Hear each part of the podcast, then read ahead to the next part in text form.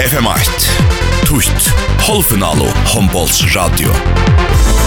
Frasegnenar er stoleier av ervetrøkne Sjolverskande løsner til öll endamal Og Køtlun Harfrukan Einasta grunn av Harfrukan er stov i fyrjum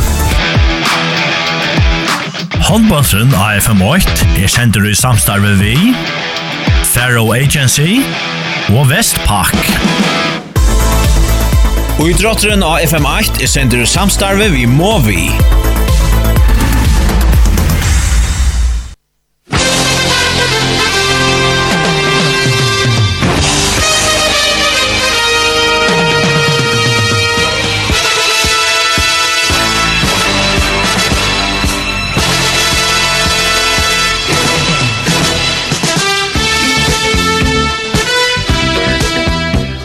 Hjertelig velkommen til ein Risa Håndbølts ein Risa Hållfinal og det, og ta som er fyrst fire, ta er i Høyvågshøttene, ta er i SMS-deltene, ha 1,5 teker mot Stjøttene, ha 1,5 er 8-1-0 og i oppgjøren, og fra som er er som vanlig Sjurur Hildarsson Høydal. Kjørsvel! Takk for det, Høyre. Og Jeg kan bare si på ena veien at det er godt. Att någon svek när det blir så vanligt att man kanske skrive en vitt att det skulle tala så rötterna allan dagen. Lycka till låta kvöldet har vi vid en affär ta klockan då mot Håkon Tutche. Möjliga långgränt här vara lite när vi halvfinalen är det. Det kan vara vi känner FM-finalisten tar vi det då Leo i det. Det är alltså så att du spelar först upp i två skickrar Och det är för att öll linjen där hittast. Vi börjar här i SMS-stället Jack Finnon. Här har en av fjärs alltså vann den första dysten. Och i klacksvig och tar vunn och tar vunn och han helt greit. Och helt greit säger till er i mån till ta sögna som är värre i mitten i SJF och har en av fjärs. Och i år här, ja, och och så i UF. Jag menar sköttna sjönda. Jag menar sjönda vid sköttna. Sköttna som alltså...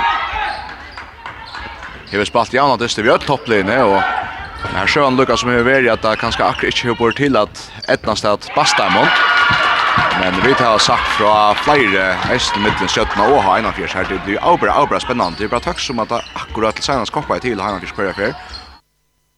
Ja, det blir jeg just fri Anton. Bjargin går rätt och slapp så en bøtter som för It's Prince Hespen og så en spår in main. Så skötna ska inte fälla fast på at jag har tapt om Första distansen så slår Gjördu i Klaxvik. Och nu får det sen skora till 1-0 på ena vägen. 1-0. Så det var Torre Lesen som ble jøkken av Vinsterbakke. 1-0 til Skjøtna, vi har spalt i halvan annan minutt. Heina Fjers altså av heimavøtli her. Her var som kunnost veri i ølja framalega i håndballsåan i fyrrjun i år. Men når det kommer sånn nye hjørn at vi er noen steipa åsikre, så det er tapt og steipa finalene. Fyre går vi ikke så gjerne.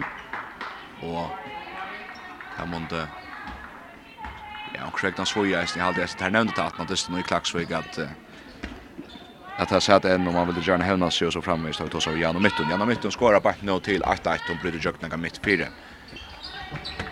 Tor Eliasen bjöd av Amina Cham. Stjøtnen, man leder massen bøtt for fram i Øtland, Heinrich fra bøtten, og etter her da mest landa Mikla Tja, Heinrich fjerst gjennom midten, så fører bøtten fram og igjen Sjodon Hallepen. Stjøtnen er på plass, og lukka mykje kosten ekva leikar der kjente seg så får det ikke stekka ned i stedet, så tar han finner til en suttje spær til, så spiller han Weird fri og En fri anlegger som heter Brynil Polstøtter og høyre av Vondje, som skår sitt første mål i dag, og så utveia til ha Einhold Fjers Brynil Polstøtter. Og nå ganger han kjærlig tja skjøtten jo i i all alop nå. Rønner kjenner også kjøtt det av her aldri, men etter stemmen ikke har kommet til Lysta skått, det har vært et sinter og vel og virkelig åregva skott som uh, brester av Merit og Torsvik som blir inn i malen og tja ha 1,5 i det. Her er Janna midten ut mot i høyre til Løy Zakariasen, bakka sin dratter. Verne skjøtten sender vel først til Løy, så er det Janna til midtfire, kjøyde bank til blokka, han er Janna.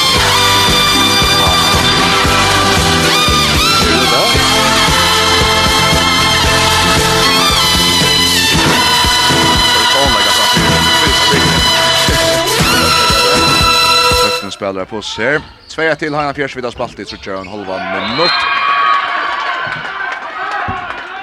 Trutja och en halva med minut och Hanna släpper bra. Bergen steg vel nå, väl någon annat. Men spuskbält ut til Brynen på Brynen Polstöter. Men Rina Lorentzen og i støttemalen og och Bjergar Rölja väl. Och så kan Stöttan föra fram att Jauna då det gjør ikke snäga mitt fyrhjärt til Julian Lefko. Vinstra backjer Tora Eliasen för bulten i Julian. Petter Jakobsen för akkurat bulten och så i bruksla för frukas och Petter nu ska vara flytt i jöknen. Eh Motman i Helsingborg så är det inte så tjockt. Sia om det skulle vara rätta bruksla så töljer det inte men hade köttna mot Malte inte mer än att visst. Eh av vänstra vänster så köttna är Johan Det så tjockt att hon kom vi att det senast. Vet inte så är det klara.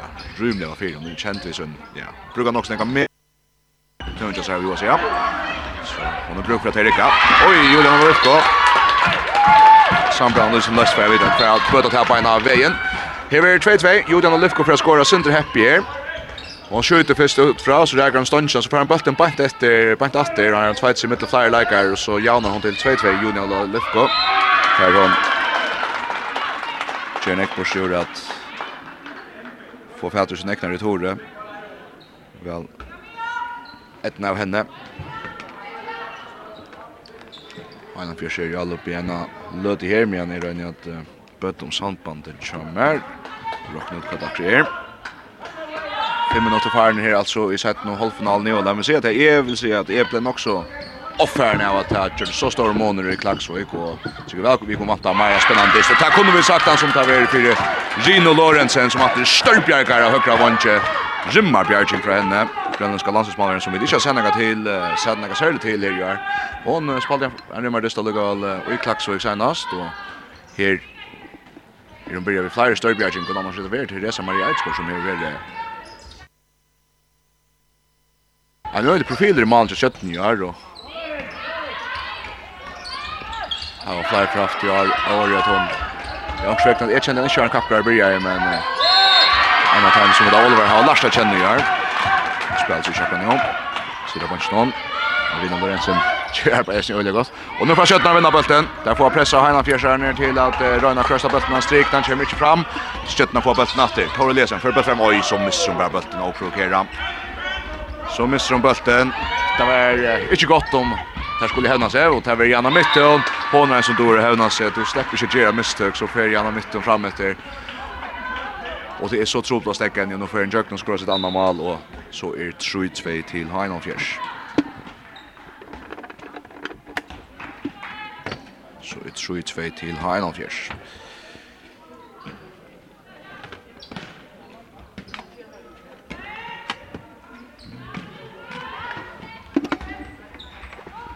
Stjötnar Lebater, Torre Tori Eliasen.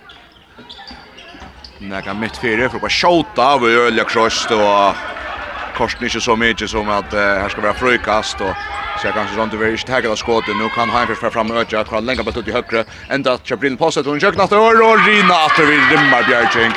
Och i stöttemal någon. Rimmar Bjärking efter i stöttemal någon från Rino Lorentzen. Rino Möller Lorentzen som alltså... Ja, det var bra har värst... Uh, Jag som är Ulja Nervi jag skulle till HM om skyltar rastas vid Grönlandet här tappsna är just mot Puerto Rico som tog for til HM i december om folk minnas her. Hon kom så til fyrjar, der tappte finalen mot Costa Rica da. Hon kom så til fyrjar, fikk han ringa skia på etter etter, det kjæs som er kvilan han. Og nå fær han så gorsen ikke stekka Løv Zachariasen som kommer vi sunn etter da Jøkken Brody og høyra Batje, hon er pura leis og skorar til 4-2 til Heinan Fjers. Löv Zachariasen, och så spela kjøttene vel, innan stigna. nei, nei, nej så reagerar vi sunnar vi Malena Massen. Hon är pura fröj, största streklagaren till Skötne, men hon skjuter fram i och nu kan ha en första spärr för Skötne. Oj, vad om ett nas Skötne kommer mitten här där vi har hotna kast till Kailan Fjärs till Jansi Jakobsen som får händerna av bulten, men bulten stryker vi gör. Ut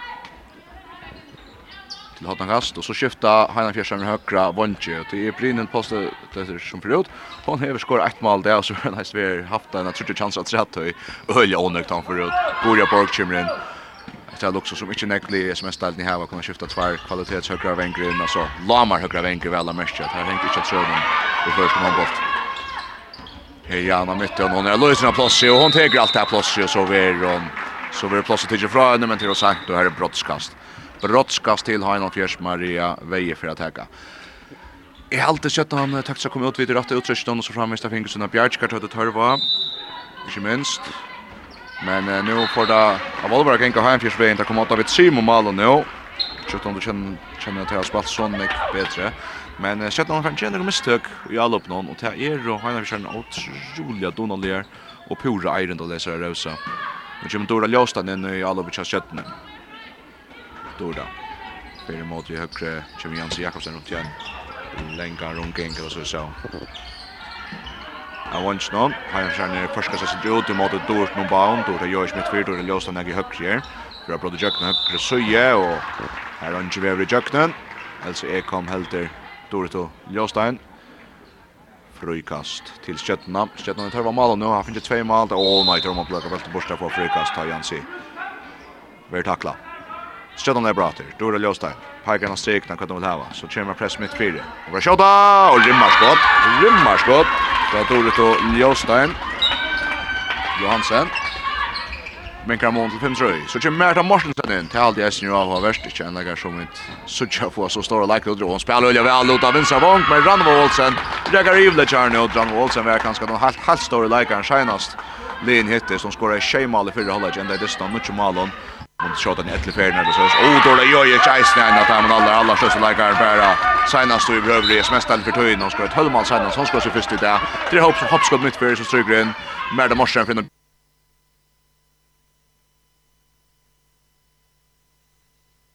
Ja, tack så mycket att det ska vara frukast och att få hända bulten.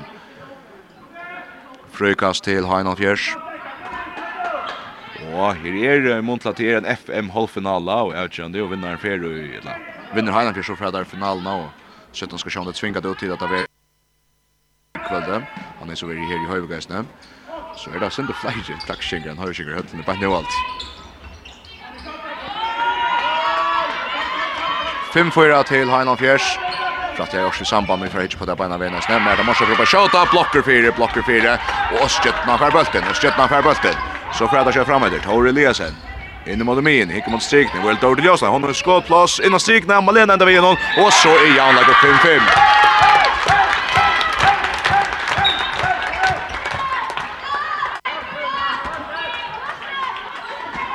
Nu kan det vara vi bara missa samband här, nej, halde vi ta den. 5-5 mittel Heina Fjers og Stjötna. Kan vi gjøre en bolltekningen hetta Skulde Bøtta-syndrom. 5-5 mellan Hajna Fjärs och Stjötna. Malena Massen avgrar ett fralukt. Allo fra skjøttene tar etter blå via lepo av et hus som vi røpt ofta. Ånder Vilja, ånder atlo eller så is. Ikke ordet lovar verine kipa seg helt. Og så spelar der Ulja vel. Heinar in hinveien til enda vi var Sakariasen fra Bøttene strykning fra Mario Veie. Og her er Malater 6-5 til Heinar Fjers. Heinar Fjers legger seg opp 6-5 til Heinan Fjers. Maria Hallstrøtter Veie vi sunn normal. Så fra skjøttene hinveien. Oi, nå køyrbøtt ikke noe vel, skjøttamon. Oi, Spela Amin ut av vinstra back Dorda till Dordo. Jojic till Jostein och så för bulten bär ut av Söjlin. Här inkast Lana Fjersson så frätar fram till Marmer utav Morsensen. Ettra gott ögonbrott för henne. Där uh, bojas under rätt vill jag säga. Och Löven är att uh, han släpper alla med in jöknen. Merta Morsensen första mål 25 till ha en halv fjärs. 12 minutter, 12 minutter, 30 sekunder färre ner og i det som er Onnor FM-finalen, FM-halvfinalen mittenslinje kan være den senaste, det vil si om Heinefjers vinner så ut her i FM-finalene. Vinner Kjøtland så er den trio avgjørende halvfinala her i høttene mega kveld om jeg minns rett. Dora Jostan fra Krossal Toro Eliasen her, til gjør hun gjør til Dora Tojoje, som vil takle alt for ett. Til sin frustrere om at alle opp ikke ordentlig flyter som det skal. Nå får Dora Ljosen få sin plass i Hamskärner som har skått etter att få tackla den. Nej, bara tänker vi att har Lisa för plass. Innan stick då så får han fædra Stjärnan Fædra innan. Fädra Der får fædra bult någon Og så fædra han fram etter Mar Maria Veje vill møtt högt. Så vi fram i första fædra när färra bulten er är at löpa til noen mer. Vi er til Løy Sagariasen. Og så tar han Hamsson färna bulten. Och Til en god stöva i verden i kjøttene tar Hamsson i nöttar. Att ta färna bulten i hela stövnen där damer jag väl att komma till möjligheten här på ena vägen. Men Kötnan vi går om taklingen ner. Det har spalt i kött första minuter av oss ner dessutom. Merta Morsen vi är till Maria Veje att till Märta med Bölkström som leiser om frem framåt korsne. Spelar samma til Maria og Merta. Merta hött vi en hoppskåte. Spelar vi är till Maria korsne så för Märta på kjøtta. Och på enka blocker fire. Blocker fire. och tar vi hotna kast till Heinald Fjärs. Det har vært hatt en kast til Heinan Fjers. Ulle etkjent, Klaas Kjøttenvergen, ulle etkjent vi er ulle hoarverje. Så hun leikar nu høver sørget til først om alt stått her hva sier.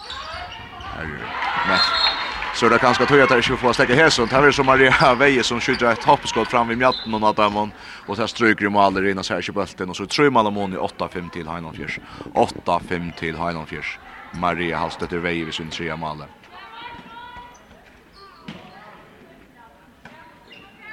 Ja, Stjøtna etna er vi at uh, Gjera 5-2 til 5-5, og nå er at han fyrir vi Trimon.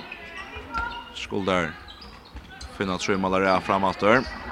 Julian Lifko kommer inn til en godt husk. Det er godt husk, og han fyrir opp av kjota. Han ser høyt i hoppskottet, så med han i luften, så skifter han så til eit til Mjatnarskottet til Undranskott, og til stryker i mal i 8-6. Godt mal fra Julio Nalifko.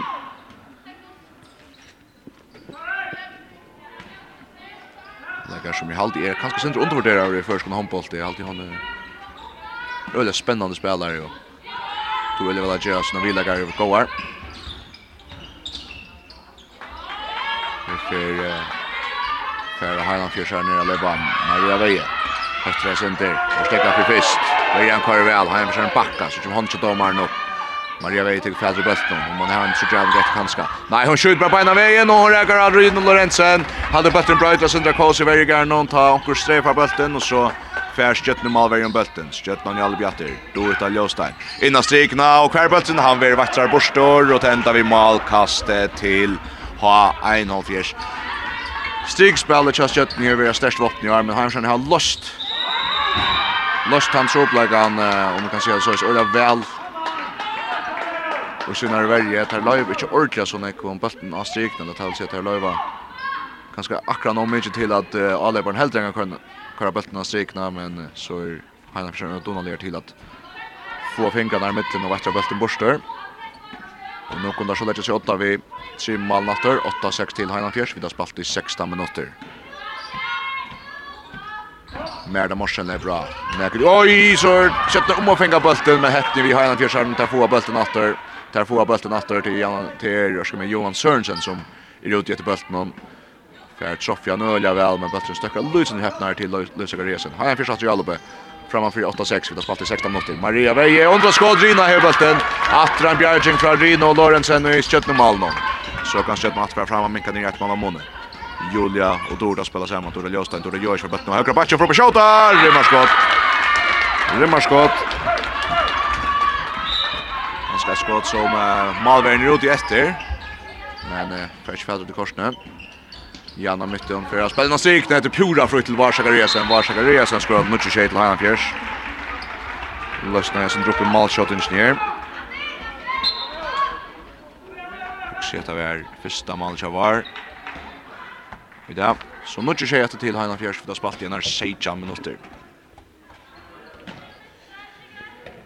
Stjøtnan i alle bjatter i halte kanskje at han kjøtt noe fullt at det er sånn holy akkurat nå, nei, det gjør det absolutt ikke til at nå stannar pur opprokere og tvætta bølten bortstått. Og etter tæt og tæperen av tæperen av final på seg på, til er at gjør det så var det mistøk, ta jeg stenter.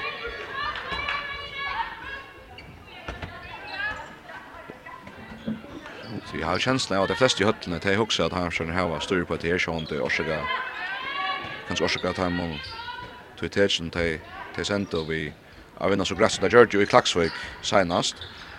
Men skjøtten hever så vel og virkelig arka han fyrst og til topplinne alt var Det Det er veldig om sinne var heppne så kom til kom til alltid når vi fann skjøtten min sida. Men nu er oppløst nå i skjøtten verina i Anna Mytte og dribbla sin fra venstre, høtter han tverferina så fær han bøttan sin ratter og så rundt jøkken mitt fyrir så skår han 26 26 til heian fyrst. Janna Mytte vi Malesøyden nummer 3. Dora Ljøstein og Dora Jøjic pratar sin saman Julian Nalifko færbølten ut i vinstra batja. Så spela der. Så innan mittlen at der, hålet press ut i høyre. Bølten ut i vinstra bak atter, gjerna mitten gå takling av Julio.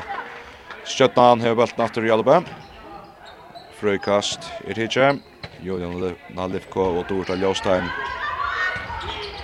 spela saman og så rör krossa dort och gör ju upp men hes för steppen inte ordentligt fra varjan fullkomligt stor på skott någon ta detta till ett hotmakast till Skötna korsne Det blir så dåligt Jostan. Hon får ner platsen. Nice så vill hon stäcka så innan stryk och kvar bult han läser här här frukastar.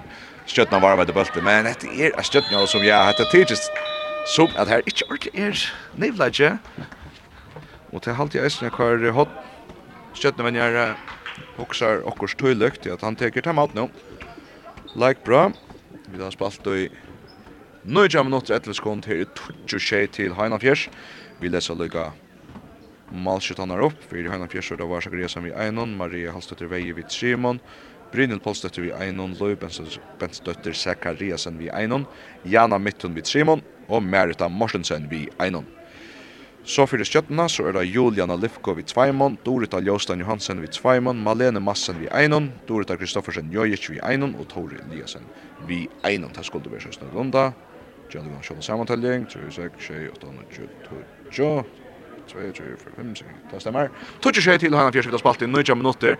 Du sitter ikke kjenslen av at dette er et som er alt, alt og størst til Skjøtna, men du sitter kjenslen av at kanskje ikke ordentlig gjør seg at han er og omegjen, ikke ordentlig hever der at han er legger, kanskje ikke den rette intensiteten. Vi tar lykka halvkjøtt hver stolar håndbolten, og så er vi datter. Frasegnenar er stoleier av ervetøkne, sjálvurskande løsner til öll endamal og Køtlun Harfrukan, einasta grunna Harfrukan er stov i fyrjum. Håndbåndsen AFM8 er sender i samstarve vi, Faro Agency og Vestpak. Og i idrotteren AFM8 er sender i samstarve vi Movi. Tutjo skje til Heinan Fjerskjer og i Sætna, la møvelig at hans som er Sætna, Onnur FM, halvfinalen i måte Skjøttene. Heinan Fjerskjer var nøyla grøtt den første dysten. Og nå skal Skjøttene røyne at vinna henne dysten, så få der tvinga halvfinalen ut i en, en tria og avgjende dyst. Så nu alt som å vinna tvær dyster først. Men dette kan være sinde kjeli tøyende, her kan være sinde kjeli tøyende for Skjøttene, til at just som spiller vi tidlig oppe etter at Skjøttene har haft time out så er det en leikar som jeg alltid er nått i akkurat rås og gjerne som en som jeg alltid er nok så undermett i første håndball. Julian og Lifko hon eh, fyrir om kodl og hever illt bryter jøkna i vinstre og fyrir om kodl en sånn støv som kommer fyrir nok så ofte igjen dyste. Og her også som er eh, hon er kjalt nøkt jeg var faktisk til også vi hånden og fingrene eller så og det har alltid vi har sagt men kan fra at folk har brått fingrene her i akkurat håndballsradio FM1 tycker att ofta ofta är det så så du först in spelar vad gör. Look ut att kan nästan alltid göra det och kanske sätta någon i leje eller vad det nu är. För att visa handen då. Tore Ljåstein kommer natt hørtal sier at Sjøtland spiller vi Tore Gjøy Chakra Batje, Tore Ljåstein av Mine, Tore Eliasen av Vinstra av Batje, av Vinstra Vanger Otvør Josefsen, av Høkra Vanger er Katrin Berselsen kom inn, ut uten Sjøtland, så strikene som vant Malena Massen. Så lever det her Dorda Ljóstein. Høyta Sinter, oppe Sjåta, gode blokker fyr, og heimforskjøren på han, og heimforskjøren på han. Hetta må det ikke være tett å ta seg og i... Og i noen. Men nu kan Heimskjall som fram och dödge på fyra mål av månet. Oj, det gör det inte till 17-24, 17-24.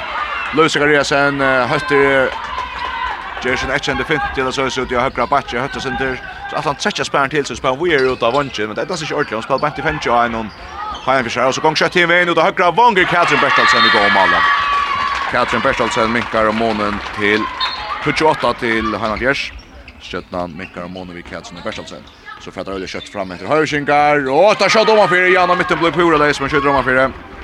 Og han kjøtt om han fyrir, og så kan Skjøtnan minka nyrjett malater. ska så se att nu får Tor Josto på shot och säger att de inte kört här som det tar så om att det hade så men åtta pratar om tension. Det kan faktiskt gott för akkurat det då som att där vill jag ha fler längskott och han har är kört där av Malberg plus någon. Nu en Märta Torsvik i Malmö som är man ser som jag känner inte. Aldrig så först för sig namn henne Monti Averi senast allt det. Möjligt till några ungdomsfinaler och så framme i 16. Känner namn i att det är mycket mer så. Det är ofta så att de ungspärren kommer in. Nu Stjøtnan han bra. Och så krossar der mitt fyri, og och om Roma koma til han gåa stöv men stein tverra bøtten bant bort til Randvålsen från Hinvein og skorar sitt fyrsta mal, Så er det 1-8 til Heinan Fjers. Vi sitter ut med kjenslen at det er tid som har sett att säga at Minkan är ett av måne men två konserten är hittat på måltavlan og nu er tru mal av måne. 11-8 til Heinan Fjers, Ranva Olsen. Vi skjuter loppet. Och Heinan Fjärs rövsar en jag misstagas det är nog kanske vem som vinner bulten men Det är sånt här som månar ner alene och det som vi såg i Klaxo senast det som månar är alene och tar till att det här är otroliga kvikar att att vinna bulten ettla få skjøttene gör misstök och så är det Iron the Laser att det skulle rösa til mistøk nå. Och nu går det etter pura seg mistøk, Bulten Laser och så är det Heim kör som tvåda bulten borster, så är det Heim kör som tvåda bulten borster, Här är pura Laser en trutcher han kör och Och håller nu just stöttne men uh, Bötter kommer fram till där. Stöttna släpper sketchen natt där. Redan där har bollen i hållet natt där. Tar det så bara skjuta mer till Malmö och Bjarkar mer till Torsvik och i Final Fish Malmö och Bjarkar. Och är frukast Arn. Det är frukast Arn stöttna. Stjøtna var ved bolten, skal minka nir i 2, Mala Moni atter nu, 11-8 til Heinan Fjers, Stjøtna i Alloppe, Dora Ljøsna på Henka, skjuter, og Merta Bjergar i Malnon, Merta Bjergar i Malnon. Ja, halte vi finger lukka prata syndromarna, nu trakkar han til Bjørnko Bjergingon. Maria Vei om han har vinstra vong, Granvåsen i Jøknen, rimmar Bjerging fra Rino Lorenzen, Einar fyrir atræt. Stjøtna for bølten atter, Stjøtna for bølten atter, 6 minutter etter fyrir holdet 11-8 til Stjøtna. Orsaka mig. 1-8 till Heinanfjärs. Sköttan i bulten efter. Sköttan för Jalo för Minka och Månen. Där har klarat helt det snåren ner ja Simon Malon. Men det är liksom vart han dessen han han månen som är värd att han dessen till så tror Malon. Vi fyra mot till Heinanfjärs. Så ena för så ett nästa sköttan att Jag minns så mycket månen eh, och där ska jag tror det och fick gärna till 5-5 från 5-2. Och så var det 8-5 och så han tar jag hela månen att det blir en 3 mål och så.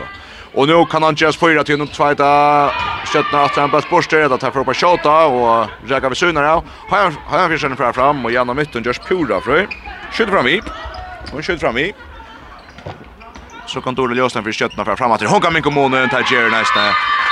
Arjen har en fjärs vägen hur fotas här helt så kommer Dorle Josten Johansen fram emot och släpper fram igen likar och så får där värst väl skötna hinner inte någon för genom mitten åter. Tuskan i mot vägen i sin känner stille. Dora Jörg förstekka. Dora Ljösten Johansen kom upp att sju mål nu. 11-9 till Hainan Fjärs i mot Stjärnorna. Distren lever men vi ser det känns att Stjärnorna ska finna Tagiri som vi vet att här har haft i år framåt sig att så kan det bli väldigt spännande. Han är kanske helt spela upp till allra bästa kan nu helt. Nu spelar Öja quickly ut av högra vånken. Det är väl spatt men ändan för Gina Lorentzen, Jimmar Bjarkinga Vonchnon. Att han måste vara en 4-50 för högra vanja så han haft det från åtta vänstra vanja nu.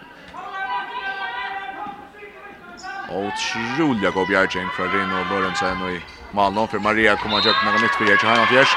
Tackling Ella Samson och Dorda Jojic i fela att stäcka Maria Veje på antarna släpper jöknen. 11 och Nuccio till Hanfjärs. Vi tar 5 minuter efter av förra hållet nu. Janna mitt under bra.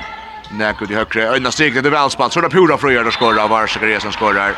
Janna mitt och drever fra venstre ut mot i högre och så lägger hon bulten och sänder efter igen hon kom och här sänder Pura fri strikspelare. 12-0 till ha en av fjärs. Torre Lesen kör bulten och kött fram efter Julian Lefko gör Arjad Levover tackla fröjkast. han hever bulten att han fyrer 12-0 vi tar fyra och en halva minut efter att spela av fyrra hållet här i 17 och FM-halvfinalen tja kvinnon mitten har han fyrir skjøttna, har han fyrir svannast, den fyrsta dysten, det snur seg om å være fyrsta vinna tvær dysten, vinner har han fyrir det, så er det her i FN-finalen, vinner skjøttna, så skulle det hittast atter fyrir Erkjøk for fyrir finalen her. Tor Eliasen, hon vil i finalen her, hon brøyder jøk til mitt fire, og hetter sin der, sin her som vi kjenner Tore og fire, Bjørra mitt fire, slutt seg jøk med leikere, fram vi en leikere, og så Sätter hon bulten i nätet och han kommer i jøkten. Tøll touch til Heina Fjers Tor Eliasen minkar om månader.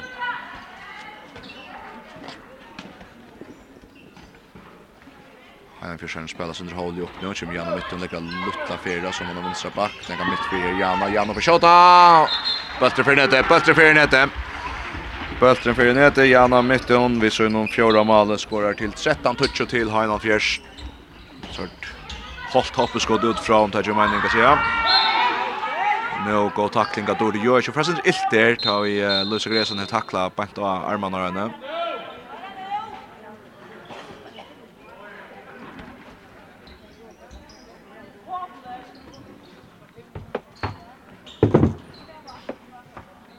För att komma fötter efter Dorda. En av timeläggaren som hever först köttna framåt där och i Besar stövna Det så stöd ner som är ställt den tar vi sida av Chelsea så att man kan väl ett när vi kommer i FN finaler och morgon till.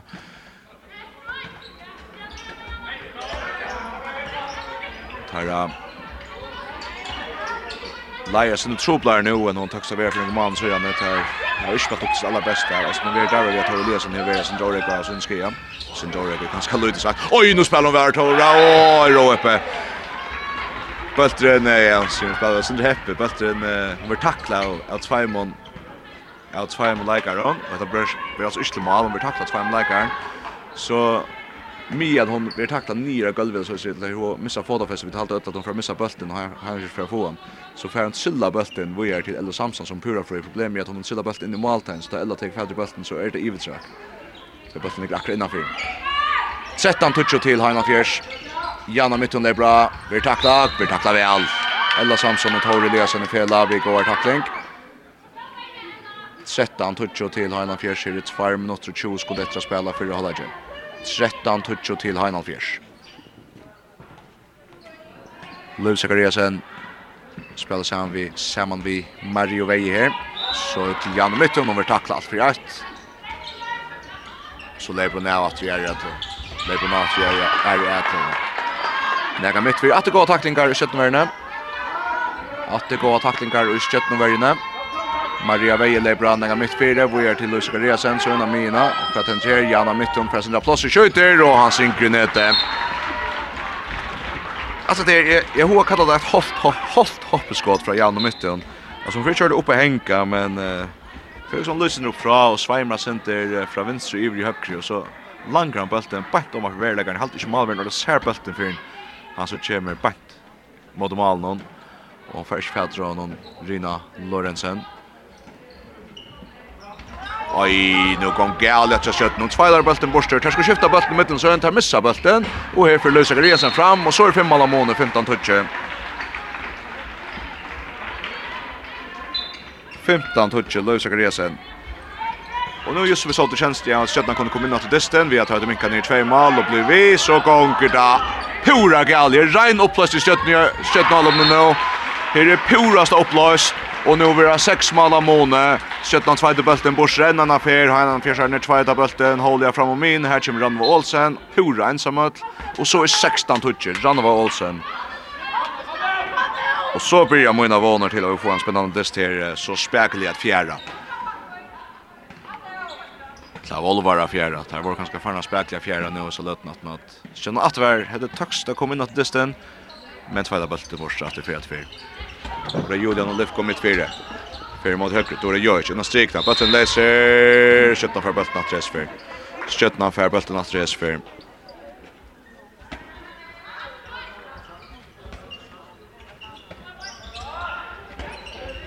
Stjøtten der bra Dora Han Skjuter mer til Torsvig Bjerkar i mål nån. Hygget kjøller opp nån. Tetjen fram her. Randvålsen er frøy og hva henter? Mål.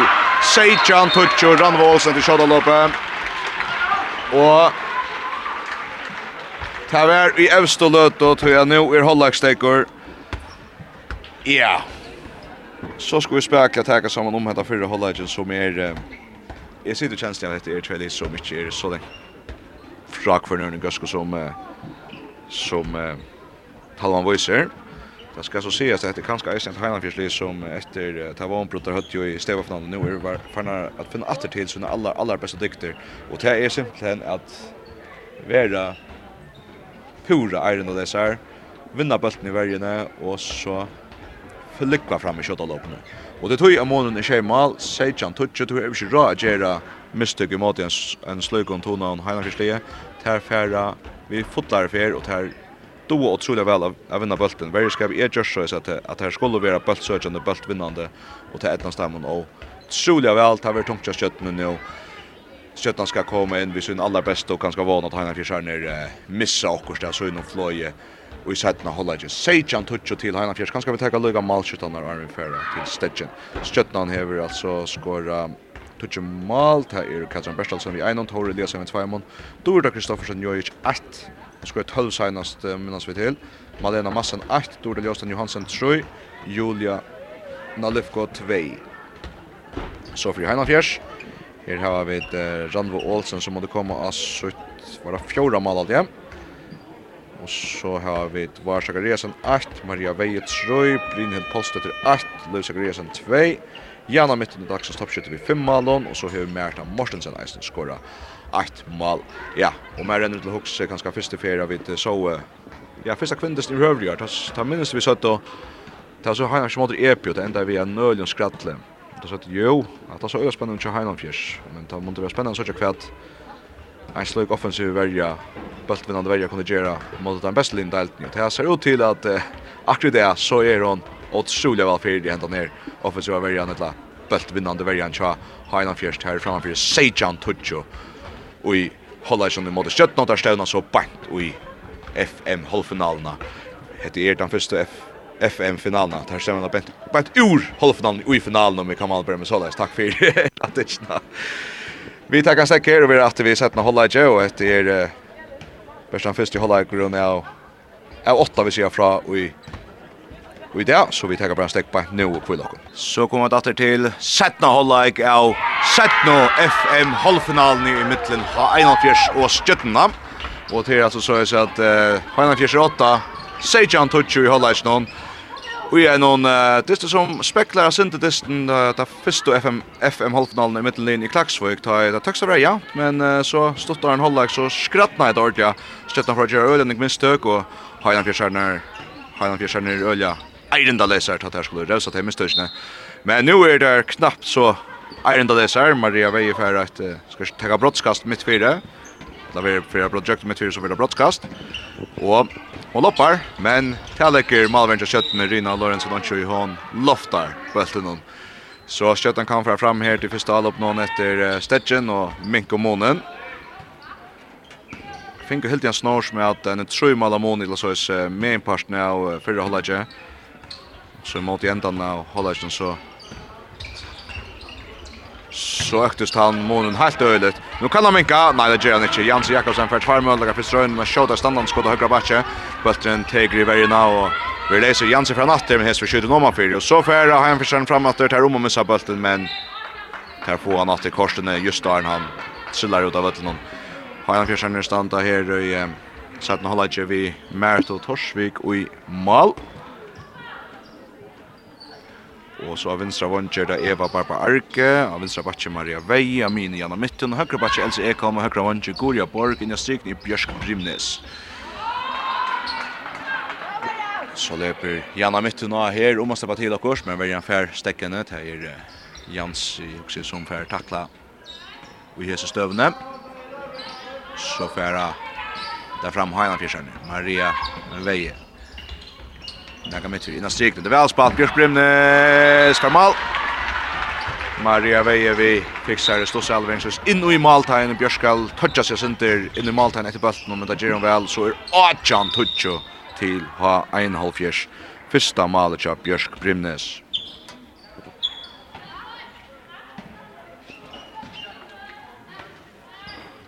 Goer trutcher minutter farner av setna hålla ikke her. Spenningren är fjärde som det borster, men eh, Torre Lesen vill kanske gärna göra spännande större att det nu bröt och köpt några mittfyr för Bötland. Louise är happy i målet, han eh, inte ordentligt för skott som hon vill, men Bötland stryker fram i målvägen och korsne. Så spelar han först en öliga kvickliga fram efter, och stäckat i första jättelöv och så röjnar det här är Ashipa sig anutjon. Och att han 11 till har en av fjärs. Torre Eliasen skårar sitt mål nummer 3, så han lägger som i darve av och grunn skia som hon i distan i mittlen hese linje vi ta var det också säga att det kunde kackar som just skötten som var färdigt ta då sa skottet ut på spel så åter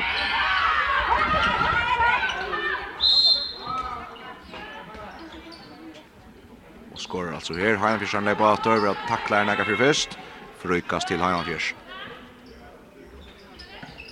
så lever där Här från Maria Veja till någon strikna. Samma äldring som Janne men Hesefjärna är stöttna klara på Fedra Bultnon.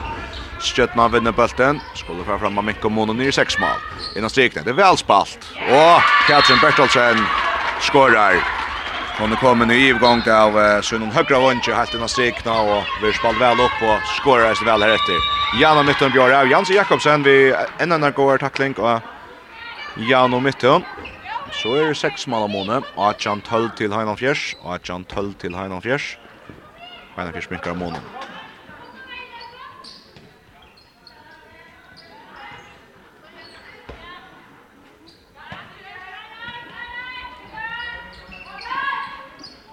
Goria Borg för en av mitt liv igång det så. Gör undan strik, men så lever Maria Veja mitt fyra och hon står ut sig upp den tacklingen och så skorar hon Töktes med om Alena Massen hej styr på att alla fram Mario Veje men eh, det hade slasht jag tror inte att det ska inte hålla att det ständer i fyra. Mario Veje och så klarar hon akkurat att få skottarm läsan och släpper bulten i målen. Nujjan 12 till Hainan Fjärs. Nujjan 12 till Hainan Fjärs. Vi har spalt i 5 minutter, jeg har sett den holder ikke kjøtt 6 minutter och har en fjärs beina kors i FN-finalen. Men ja, Tori Eliasen, nu vaknar hon nästan.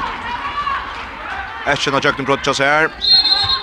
Av vinstra backe. Brukar ta första fete ganska första fete ganska tvei at folk som stilla sig vid syna av av verläggaren kom på kant som det robba då och så hevron en såna med i att de tvejtet och sista fest jökten på partiskilt igen. Nujjan 13 till Heinafjärs. Torre Lesen måtte få sitt tria mål i alldeles.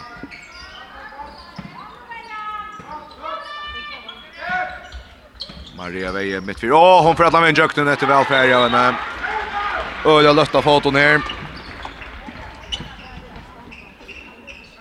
Vi krösta Lloyd Center. Ja, förresten rätt i stövn. Vi krösta Lloyd Center, men beina vägen så flyter hon över hitbein och färd. Her lobby Jöknen. 20-13 til Heinan Fjers. Maria Veje vi en gåen. maler for Heinan Fjers. Tore Eliasen røyner etter Jöknen brott mitt fire, men vi sjekker så røyner hun øren sin jatter. Skal slippe bøtten med Jansi. Og så vil Sonja hon for øyla vel i jøkken. Rutla seg leisa, han er vel til venstre. Og hon er ikke, hon er nekka etter gjerra at hon har slått leisa sin verilegger, men justerer seg øyla vel i luften ned og fer lagt bulten og i mal i eisne. 20-14 til Heimann Fjers, og Malene Massen taklar i stjøtnen veien i frykast til Heimann Fjers. Stjøtnen stekkar fyrst av loppen til Heimann Fjers her. Heimann Fjers røyner atter. Heimann Fjers røyner atter. Elsa Ekholm er inne i all upp någon. Det tids man dystri här linje här va. Sen sagt detta är det sen till nu.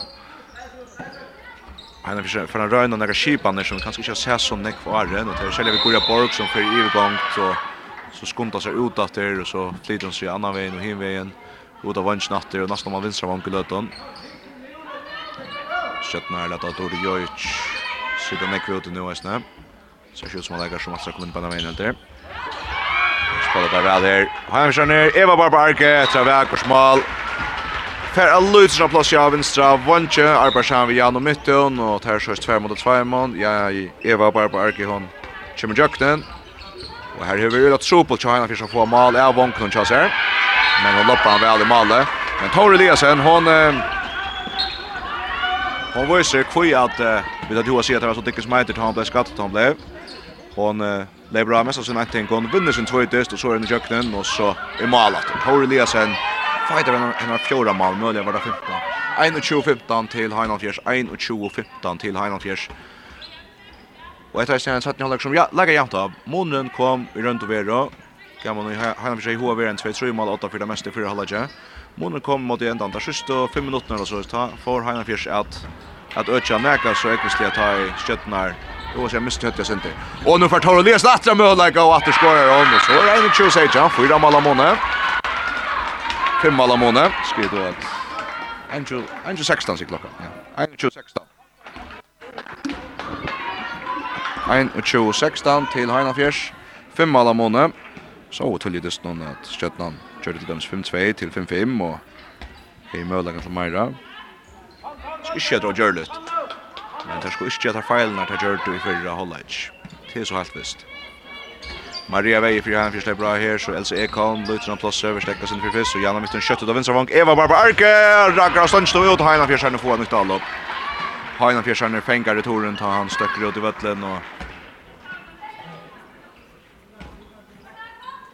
og Heinan fyrir sjarnu få et nytt allop. Da får bølten atter, skal jeg kanskje heller sige. 21-16 til Heinolfjers. Vi har kjøtt spalt i 20 minutter av Sætna Hollage her i FM-halvfinalen i middelen Heinolfjers og Sætna. Det er altså så at vinner Heinolfjers så spiller det her FM-finaler til Heinolfjers Givastøy. Vinner Sætna så skulle Lin hittast ena for en så blir alt avgjørs her i Høyvøk mye kvölde. Nu lever drar her Heinolfjers han etter. Else Ekholm ut av høyre vang. Gorja Borg spøkse jøkner.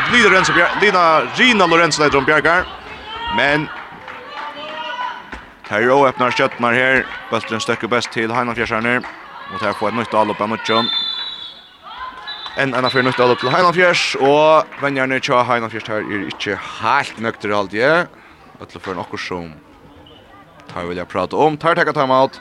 Her er 21-16 til Heinan Fjärs. Vi har spalt i går 20 minutter av Sætma Hollage. Vi eh, lukk i studio. Sunnundagen er 17 halvfinalar i Burn og SMS-deltene og FM8 fylgjer strøynon atlan sunnundagen. Vi byrja i høyve klokkan 2, ta i ha 1 av fjers og stjøttna tja kvinnom bresta saman i SMS-deltene. Vi halda fram klokkan 4, ta i ha 1 av fjers og team klaksuk menn bresta saman i Burn-deltene. Klokkan 6 er vi til høtlen i Holse her Kjindel og Næsten bresta saman, og vi enda kvöld i Vestmanna klokkan 8, ta i VF og KF bresta saman. FM8 Tutt Holfinalo Hombols Radio Frasegnenar er stoleier av ervetøkne Sjolverskande losjner til öll endamal Og Katlun Harfrukan Einasta grunn av Harfrukan er stov i fyrjum Håndbåndsen AFM8 er sendur i samstarve vi Faro Agency og Vestpak. Og i drotteren av FM8 er sender samstarve vi må vi. Ein og 16 til Hain Fjers her og i Sætno FM halvfinalene som dit altså hørte er store halvfinale dævren av FM8 og i førskund håndbolt i Røversjående. Det er den første som vi ser fra i dag. Vi ser fra Simon her etter. Da har vi reda flere rødreiser som kommer og hjelper til til å kunne vende til Sætno. Her Heinar Kirstei bra, her var pratet hinsen i en minutt og en like bra igjen, men uh, ikke akkurat under troblag, og nå spiller ut av vinstra Vong Rina Lorentzen, mann ikke til hun bjerger av vonsjen atter. Eva Barbark i jøkken av vinstra vong Rina vi rimmar bjerging, og i skjøttene Malnon. Etve minutter farna 17 halvleg. Nå kan skjøttene minka ned og i i til fyra malene. Jansen Jakobsen skjuter rimmar skott. Hon teker veien av bolle og ikke minst malverjan. Hon ner så ganska lavaxen i mån till uh, backar eller så. Och kör vi en renneskåde och langat upp om axlarna axlarna av verläggaren och Valtren synker i nätet. Ein og tjus heitja, stjøtnan er vi at dysnan. Stjøtnan er vi at dysnan. Og om det lursar til fyrre allergi, så har vi kanskje eisne hatt hoa samføra lursaren om at det kunde godt komma spenninger gjennom dysnan, mer så. Men at eh, er kanskje klarar sig samman för mig själva att man skötna för att jag har misstag om mot ändarna för hålla jam. Men nu ser helt godt ut av men det är helt annet utsikt. Nu tacklar det att mye Werner. Det tror det Jostein och Torre Lesen kanske nära til vänster rundt över som får takla gjennom midten. Heina Fjärsjärn Lebo. Og det är stått å se hva hänt i om den av mycket ner i tre man måned. Maria Veje Lebra innan strikna bøtten leser skjøttene her han. Og... Nei, Heina Fjärsjärn får han atter. Heina Fjärsjärn får han atter bättre väl läser Dora Ljösten Schweiz ja han men så tar hon Likra guld vi hon så Likra petti av dort alltså inni og i Malta og tog er det i og så hever Heinland bulten Heinan Fjers er bulten Maria Veie, krossar Goria Borg, kong bulten øyelig vel til Heinan Fjers ut av vinstra vong, Vestra Torjøkken kunne ikke rundt verger. Så Janna mytten, og bulten bølten fram i. Janna mytten rønner et så øyser rennende jontronsskott av vinstra batje, bølten blir framvi. Støttene verger han hever fotas her her, nå får Torre lesen fram etter, hun i heit i løtene. Og mangler sin droppakning, så kommer Sonja i alle oppgjøret, og er Jansina vil takla. Men Hesen Nissen, han høtter oss inte vi at uh, få en av nervater. 21 og 20 sejan til Heinan fyrir Stjøtnan i Alupe. Stjøtnan så aftan fyrir Sheiman i Holla i Sjønne kunne minka ned i trymal til Torri Lesen og Bjøra frukast og en session utusynk. Hon Bjøra mitt fyrir Nagur Rindstren. Bant inn i mål og timebaun, Løyvovar, Zachariasen. Og tar vi løyska vett i tvær minutter for at han takla i halta seg og han takla nær vi holsen til Toro. Bølteren för att sitta fram vid och lösa skott ja. Frukast til Stjøtna, Stjøtna i ivetall, jeg halte ikke vært skrevet seg etter første ivetallstøen, man oj. det er alltid stannars virka, så nära termer på veier, vi som att det här er när versninger utvisninger, halte Stjøtna har haft ena. Jansi Jakobsen är bra här på en här plats och skjuter, och så är det Trum Alamone. 21 Ajan, 21 Ajan till Heinan Fjärs. Så hever Stjötnan, Mikka ur Tjejmal och ner i Trumal. Alta Skär här inne i målen då vill se hon kan det vara Kira Näka vi vi har så bollen annars kommer från Jansi. Eh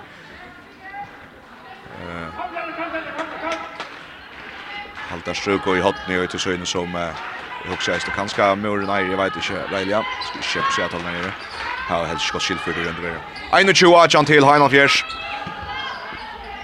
Och nu vaknar Höttelnäs Line Beie får hjälp från Askarnon. Maria Veie bryter av här för Heinolfjärs vill tackla på ena vägen. 21 agent til Heinan Fjersherus. Her er det 16 minutter etter at spela. Merda Morsen kommer i ferie, nekka ut i høyre, så finner Jan og mitt ferie. Jan er nekka plass ut i høyre av vann, Gorja Borg tek ikke chansen, kan heller kjørka. Så leipa der av her, Heinan heimskjerne Maria Veie, bøtten leser frukast. Det frukast til Heinan Fjers, men Heinan Fjers li er steg opp, fremman fyrir en øyla stinnar stjøttneverje, og det har høyre Och kommer Maria Aster och man blir avstämd från vidare tackling till akkurat nu mycket av köttene. Här blir Fruka satter till Heinafjärs. Fruka satter till Heinafjärs. Janna mitten, det är bra. Undra skott, det är synkronet. Ah, Og Køyra råpa kvar hotten og skjøtten her. Tadjeda her, og det vinstra vang. det kommer kjøkken, av Vinstra Vang. Otvør, hør mal! Tre mal amon i atter. Kristiana Mittun, vi går ut omtranskåte, og så skjøtta der ut, Heina er nere ut i høyre. Og her mangler tvær, leikar minst, og skjøtten her, her skjøtta på en av veien, og Køyra Mina finner Otvør Josefsen, av Vinstra Vang. og Otvør Josefsen skårer sikt. Og at det er reisende rett imponerende at du skårer Fær nok så brottlig over. Så kör det klar på för Hun er nesten ikke haft bulten ut i det. Ikke nekta kommer til å venke av Venknon, Kjøttner. Otto som i sin første male. 22 nøytjan til Heinan Fjers. Heinan Fjers i alle bjatter. Janna Mytton til Mina. Her er Maria Veie. Skjøyter. Bjerg Kjenker. frukast, Her frukast. Her er kommet Nega Løv i fjölten, vil jeg si. Og nå kjennes det som at her er Meira halvfinal i høyre enn er. Høyre brøttes Nega vel etter. Den første distan i Klaksvik. da Heinan Fjers har vært Mer om man har man kanskje kunne tro og vanta. Vi må til gongna fyrjar. Janne mitt på skjåde her, Rina Bjergar! Sluts i fisk fram vinar tackling, så ser domaren om du er snå fru til å kjåta korsene, hon vil gjerne ha frukast av virkstøv, så kan skjøtta minka nye tvei mellom munnen til Dora Ljøstein, og fyrir nekka mot vinster, Bjørn er mitt fyr, vi takla, og vi takla livet til frukast. Og så skal bonkeren tja, bonkeren tja, ein av fjersa guldkars. Og Det är rätt och slatt av att det här var sagt och nek på så framme så inte skicka sig pent och det bunch någon uh, vänjer ner. Och det är showande en stöva som uh, känns det av att har en förspanken till störst som lower. Av stövne. Nu kan Stjötna som minkar ner två mål om månen. Tore Eliasson är bra mittfyrare. Krossa World Jansson, Jansson pura frøy och synker bøtten nete. Langar han i tvörst sig ner i gulvet upp opp under nete chatter. tjatter. 22-20 till Heinan Fjers. Skjøttande via til Dysnon. Maria Veile bra. Bant in i verden. Tråkdømt! Tråkdømt! Skjøttande inte fram efter och... så färda fram om mina. Tor Eliasson för bulten fram. Vi mötte några Högström som var inte till finns tackling. Ska finna Jans Jatter. Tar tacka av bulten. Tar tacka av bulten. Ja, ja. Efter 17 Askvarn som höras nu. Sonja Sirdal och Berger kommer in och kivar spelet. Jansi Jakobsen är vi henne av högre li och Tore Eliasson är vi henne av vänster li. Och högra vanje Katrin Bertelsen av vänster vanje Ottver Josefsen og strikning Malena Massen. Og i mal Rina Lorentzen en av storläggaren i Därsne. Tore Eliasen er bra. Björn Amit fire. Røyna krossa vidare. Bøtlen Sinde Leiser, att fänga akkurat i skötnar. Och så smäller det til vinster. Ottver Jackson. Ottver skårer, Ett mål av månen. 22-21. Ulja kvike bulter från min i omana. Vänstra vankar. Lutja plås Ottver. Men hon teker chansen. Opera väl. Och så teker Hajan Fjers, Like bra. Örumsen ju är snören. Håller ikke någon. Och det här var ikke, jeg har alltid tagit och inte fyra. Som är rocknande så här var det här. Och inte i det. Om det här skulle finne tørre hörvat höj. Men det er altså ett mål av måned. 22-21 til ha 1,5 i måte skjøttene, og vi har nekvet å spille, vi har 12 minutter gått, til, nesten 13 minutter etter å spille av Hesson Disnon. Vi tar å løyke hva anna bojer okken i dag, og hva hjelpbrokken sier fra. Sunnundagen er 17 halvnanar i Burn og SMS-deltene og FM8 fylgjer strøynon atlan Sunnundagen. Vi byrja i høyvik klokkan 2, ta i ha 41 og stjøttna tja kvinnom bresta saman i sms-deltene. Vi halda fram klokkan 4, ta i ha 41 og team klaksuk menn bresta saman og i burn-deltene. Klokkan 6 er vi til høtlen i Holse her Kjintil og Næstin bresta saman, og vi enda kvöld i Vestmanna klokkan 8, ta i VF og KF bresta saman. FM1, Tutt, Holfinalo, Hombolds Radio. Frasegnenar er stoleier av ervetøkne, sjálfurskande løsner til öll endamål. Og Køtlun Harfrukan, einasta av Harfrukan er stov i fyrjum. Håndbåndsrund AFM8 er sender i samstarve vi, Faro Agency og Vestpak. Og idrotteren AFM8 er sender i samstarve vi Movi. Så er vi att vi har också att ni här halvfinalen är blivit en ekvilja ekvilja spännande här 22-21 till Heinolf Fjärs och Thomas Hanfjers vann störst i det första distan i Klaxvik så hävde han inte att se ut i Sandhjörstid någon. Sköttan ska vinna den distan så tvinga där Heinafjers ut til en tria og avgjørende dist, men nå vil jo Heinafjers en derby sett her og ta som tension i en minutt, etter at Skjøtland her minka ur tjej mal og nye ett mal, nå øtja Heinafjers en atter opp i tvei mal, til Janna mitt og mitt fire, men så blir Mono ett mal atter til Taur Eliasen, vi sommerleis en jøkken bråd i fire. 23-22 til Heinafjers, Heinafjers er nebba, Janna midt og nege vinstre, inna min, Maria Veie, her er Lucian Plasjon for atla min jøkken, skal brottskast er dest. Hon touches i jøkkenen, Mivera närmar Leno Massen og Dor til Jostan Johansen. Så kommer Teresa Maria Eideskård inn av første sinje där i Malmö. En läkare som Her har haft nekkar i utskrifter her i år. Vi må aldri sett nøyden, så rører hun som mot Janne Mytten, og Petnans ikke Janne Mytten skår av Latvia. 24-22 til Heinald Fjers. Latvia vet jeg ikke, men høygrønnet for noe i nedi og malveren noen chans. 24-22 til Heinald Fjers. Tvei mala mån i atter. Vi hava 11 og en halva mot etter å spela. Det leker kanskje rymelig jant da i fyrre halvleik i eisne, men uh, særlig at det er sørst og 5-6 minutter til Stjøttene Gjørs øyla dyrer da Heinald Fjers måtte økjøre en 3 minutter på Kjeimal. Sejan Tutsi var i halvleik noen. Nå er altså 24-22 til Heinald Fjers. Stjøttene har rassi av alvare her. Og til vi Sonja Syrdal og Jansi Jakobsen og Toru Eliasen i bakkjøtten særlig. Her uh, hadde vi de seg Julian Olivko, Dora Ljøstein og Dora Jøyst. Her spiller Ludvig Otsjø av Lopnon her i 17 halvleik. Viktor gör sig ikke inn i sätten matchen, ja. Ettlum nått rätter, 24, 22 till Heimartiers Torre Lesa Emprud och sin Sen Trublagar, Sonja, så en Tore Torre sin det som färd at Tore. Så kvar kjøtt ut av høyre bak, Kaiser Berscholsen. Björn till Jansi, Jansi näga mitt fyra, innan strikna, og vill ha våra för så bulter, bulter ner Lesa, men här är frukast stämt emot kötten, eller frukast til kötten skal vi säga. Fajna fyrir sig alloppe. Tore lesen, fer bult ner. Dribblar, Weird Jansen. Jansen skjuter, mål! Ett mål av Moniator. 24-23, Jansen Jakobsen i Finches Sjås. Her finnes jeg en øyla heitan skåtar mer. Øyla kvasskåt som Sinji Nete. Jan Olsen kom natt i Heinan Heinafjers av vinstra vantje. Her er 24-23 til Heinafjers. Heinafjers er skifta alt og askeri natt i male. Annars er det skifte boa venknar attor Heinafjers er Bryn Polstetter og høyre vantje. Av vinstra vantje er Randvo Olsen i backchat nere, och Maria Veie, Jana Mittun og Louise Garesen ut i høyre, högra. Och sikt ner Varsakjes. Janna Mitten, hon bröt efter jökten till Ligar som helt i han fjärs åtta nu. Janna Mitten en ett mål, en att jökten bröt som Shetton inte för helt den kunde vinna sin mot Mine. Så för Tore Eliasen till sin samma sövan. Hon vill tackla för fest. Frökast. 25-23 till Hanna Fjärs. 25-23 till Hanna Fjärs. Stjøtnan Jalobe. Stjøtnan Røyner søkt til at dette skal gjerast Bers Onnor, og ikke seneste FM-halvfinalen i Hesen omfærre.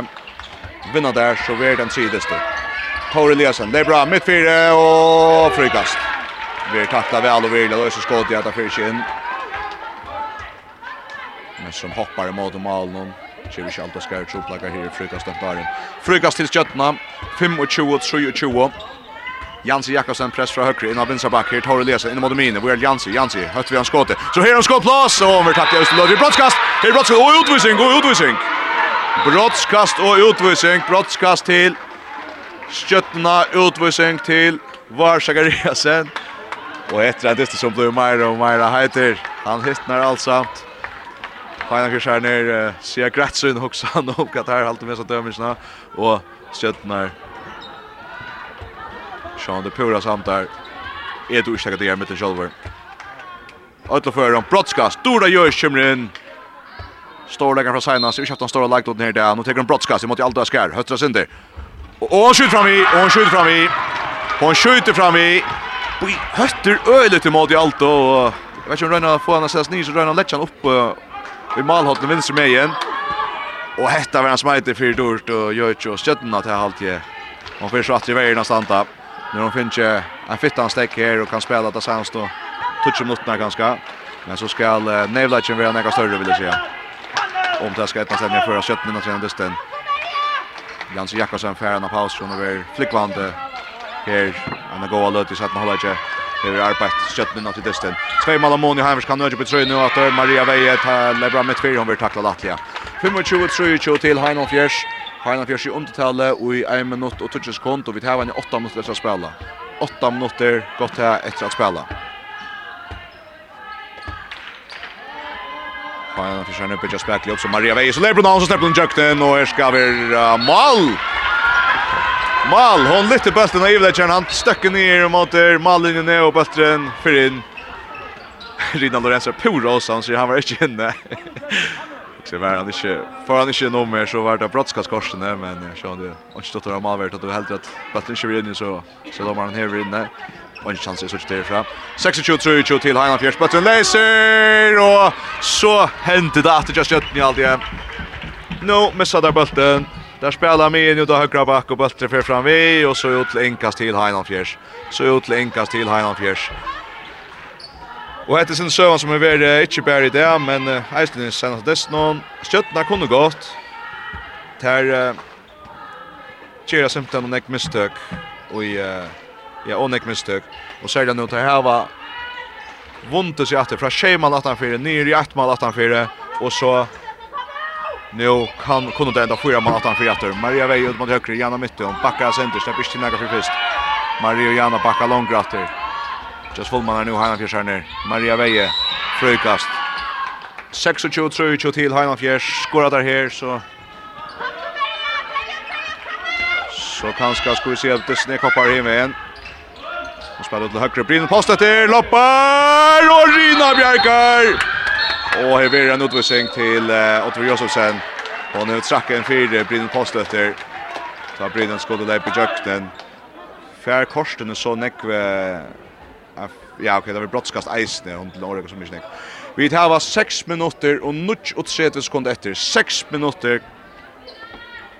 Små 20 minutter etter, kan man säga. Og etter at Erjan brottskast. Skårar gjennom mitten nu, så vi det fyra mål av månen. mitten. Mitton, Moderino Lorenzen. Nå skårar gjennom mitten. Hon skårar.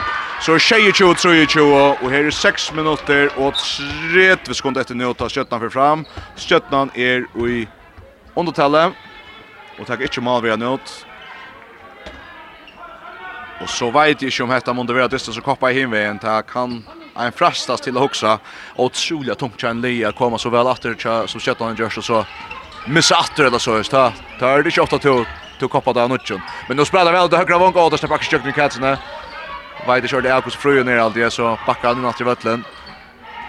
Tor Eliasen, ja, så Lebron, ah, dribbla tvärfer, missar hemma till bulten dribblar, tvärfer, dribbdömt mot Tor Eliasen och så för Heinan Heinan blir fram för att lägga sig 5 mål 8. Och så halvtid där kunde göra spelas det så lite nu ganska. Eh, hade jag så kände då höllen att uh, gå höjren uh, halvfinal höjren som ska säga helt, helt ärligt han är ju sakta sen där vi får hålla inte han var inte akkurat så hett i höllen vill jag säga. Han är är det tempa. För Maria Veja att bjöd av och missar bulten då skötna sig att hon har gjort och nek fet och just han för kommer öla löj från ska skjuta missar med som bult i mot mål och Ridan Lorentzen och inte problem.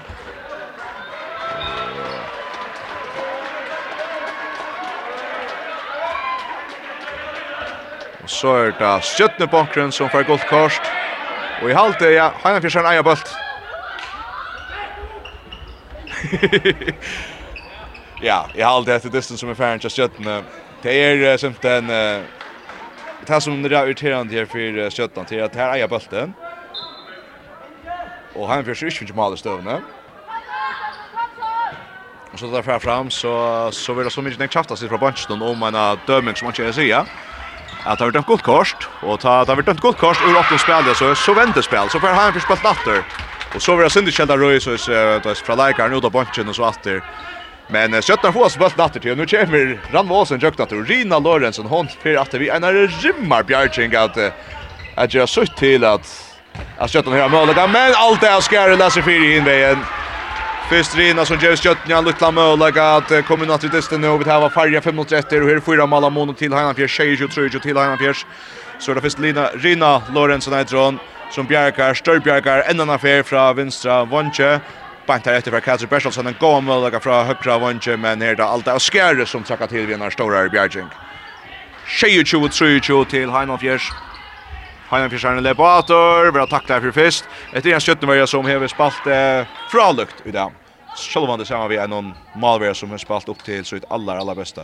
Så vi ska se henne toppstöj är akkurat det känns så näck out time now så vi tar tog som Arn hon vill öda darva ska hon så hon kom till förra gröna landsens malvär som var om reppiga spelar till HM Arn kom förra. Hon är skattliga så hon är framgjord i det. Men eh Hanna Persson är här. Blocker fyra efter och skötna för bulten. Skötna för bulten. Där har skont nu. Där har skont nu. Här är tjejer 23 till Hanna Fjärs. Här är färjan fyra mot 30. Torre sen björ av. Will Janse, Janse också ska skjuta det kör inte Torre Ljöstein. Att Janse, Janse skjuter. Han för målet. Janse Jakobsen, en av stora lägaren och jag all uppnån kör skötten i det. Vi är otroligt dåliga i vis nere. Ibron skott någon chans här som uh, kanske inte för helt upp om högt men som bär för sin det fram vi likar någon och om man fjaxar när så framvis och fast i målet. Tror mål måne. Alla sur skiftar en men eh Hainan Fjörsson här var öll kost av hånden i här och går 30 minuter efter och här är 26 och 24 till Hainan Fjörsson 26 24. Hainan Fjörsson bra till mitt fyra. Vi har tacklat Frukasatt. Värjan just kött vi kommer bara hålla fram alltså hon är väl fina så slä. Halt go. Det er problem med er skjøttelåpene som tar er, som har røsa. cha tja Heinafjers har røsa og nekk på tog i månen som han er. Nu uh, leper løper Heinafjers av, krosser Jan og Mitte, og Jan har fyrt mot høyre, så ut av høyre bak er Løysa Geriasen. Håndtje domeren som opp nå, vi tar fargen trutja mot rett og spela nå. Maria Veier, Løysa han plasser ved frøykast, frøykast, tog en gonger. Her er bare tveir og en halver minutter etter. Her er best, her er det best fire, og så en halvur minutt etter. Han gjør damer oppe, Janna Mytter skal nok skjåte her, nå utav Vinservång, Ranva skal skjåte her, nei, Maria skal skjåte, Rina Bjergar, skjøttan fer bulten atter. Det her var akkur akkurat nok av tøym, det skal genka opp av statskjata, men om uh, det skulle klara jaune på en. Her er 3 mal av måne, og nu er det brottskast. 3 mal av måne, og, og her er brottskast, vi har tvær mot dette spela. Brottskast til skjøttna til er Sjötnan som alltså sämtna spelar bättre än Hainan Fisch akkurat nu och där ska skunda sig att täcka det. Tog in väldigt stäcka, det ska han inte vara. Katja Berstasen ska skunda sig att täcka. Vi tar två mot efter just nu. Tjej 24 till Hainan Fisch. Katja Berstasen täcker brottskast och skorar. Kör två mål av Monius två minuter efter. Tjej 25 till Hainan Fisch. Här Ulle väl Astjötnan här efter att Hainan Fisch vi har en länk och allop i över Jag vet inte fitta tog klockan och så mist bulten och så är det öde skjuta fram och få sig brottskast köttnan. Där har mållägaren. Där skulle ge just det Gösta Sands två minuter så håller det akkurat tøyna ganska. Vet inte det för knappt. Det bara håller håller vår andra minut efter nu. Köttnan ska kanske utla ta initiativ. Lövan vann till jökten kanske. Kanske Lövan vann till jökten. Lewis Zachariasen nekket i högre. För for Jack Delove och Rekar skjøtta for bøtt natter. Skjøtta for bøtt natter. Her er är minuter og 20 sekunder efter. Här ska skjøtta. Ska skora alt for ett og Ska ta bøtt natter. Tar Eliasson han för bollen. Catcher hon. Vi är till och bollen läser. Jansen fängan, Jansen fängan skjuter ner bollen. Skjuter ner bollen. Är minuter og 20 sekunder efter. Är minuter og 20 sekunder etter. Skjøtta ner bøtten. Här ska skunda sig. Här ska ha två mål nå på en minut. 2 mål på en Her er är minuter etter just nå. Jansi Jakobsen högra backen till mina. Torre Lesen, han ska skjuta. Att Jansi, Jansi, Durda, hon har skjuta. Nej, det skjuter inte. Frukast. Frukast. Och så tar Karl Hot time out. Här är det 3 sekunder efter att det någon och Stjärnan skall ha två mål om uh, där skulle tvinga, där skulle tvinga. Där skulle tvinga distan ut i like 3. Vi har lucka kvar storlockna se från halvfinalen någon som. Blir spännande i host allt. Frasøgnene er stoleier av ervetøkne, sjølvurskande løsner til öll endamal. Og Køtlun Harfrukan, einasta grunn av Harfrukan er stov i fyrjum. Håndbåndsrund AFM8 er sender i samstarve vi, Faro Agency og Vestpak. Og i drotteren av FM8 er sender i samstarve vi Movi. Her er då 3,5 sekund etter av Sett nå FM halvfinalen i mittlen Stjøttena og Heinafjers. Stjøttena har lagt en plan, og til han Atlanen, hon skal føre til at han skårer två mål i måte i omgång til Heinafjers og på 3,5 sekund. Hentet til, så fører vi det langt av leiktøy. Tis disse skal avgjøres, det snur seg om å vinne tvær dyster. Og i hesar halvfinalen røyne, så er det i FM-finalene. Det står ikke om å vinne tværtester. Heina Fjers vant han første. Vinner der nå. Gjetar det livet nå. Det er 23 sekunder. Så er det FM-finalen. Skjøtnar rønner her. Jens Jaksen. Prøver skjøtta. Alta skär i Bjarkar. Hatta kunde vera till. Hatta måste vera till. Alta skär i Bjarkar. Tar stilla upp till Jens Jakobsen som har vært utrolig velkørende här. Vi sett med hålla i stedet for Hamsson fram, og så er Outjørs og Heina Pjørs fyr i FN-finalene. Var Shakaria sender kjøtt og lopp nummer leis og stik. Nå er 28-25 til Heina Pjørs. Her 28-25 til Heina Pjørs. Og så har jeg Stekka Brester Høyvuks med inn her i Høyvuksøttene. Tore Eliasen, det er bra, vi takler nekka, frykast atter. Tablev, Meira, en distratus som vi kanskje har til hoa sida. Arren, halvfinalen foregongt. Det er veldig spennende. Stjøtnar store ære, og så Sætna Holleisson, som tar altså vinna. Er i 18 for Sejan Tuchu i Holleisson.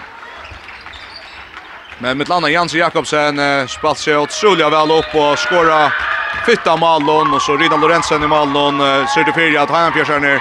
Ikke har det kom til några. Nu får Jansen Jakobsen skjuta dags och sluta skåta. Fyra mål. Händar vi 28-26 till han fjärs och har en av fjärs är i FM finalen. Fyra, ja, första fyra söner jag ser.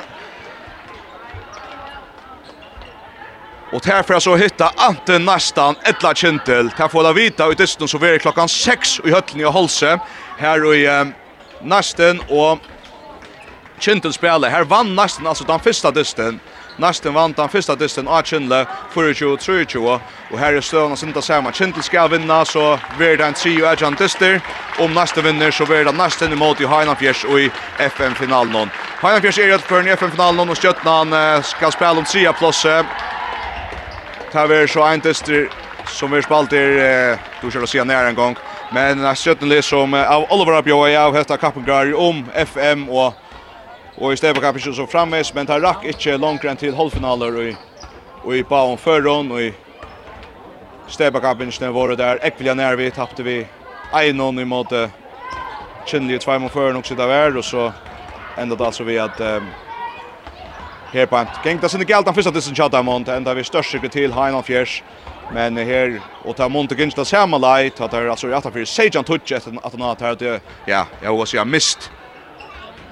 Mist hammer halt jag så själv och mist hammer jag bult någon där sista lötna för hålla inte här den där så Sejan touch till Heinolf Fjärs. Oj hålla inte någon. Men tar fick väl baschen att det stund och fick minka ner i halta var 22 22 24 22 men tatten här kom där inte Heinolf Fjärs helt allan vinn heim til Øya og har en av per i FM-finalen, så kjenner vi den første FM-finalisten 2022.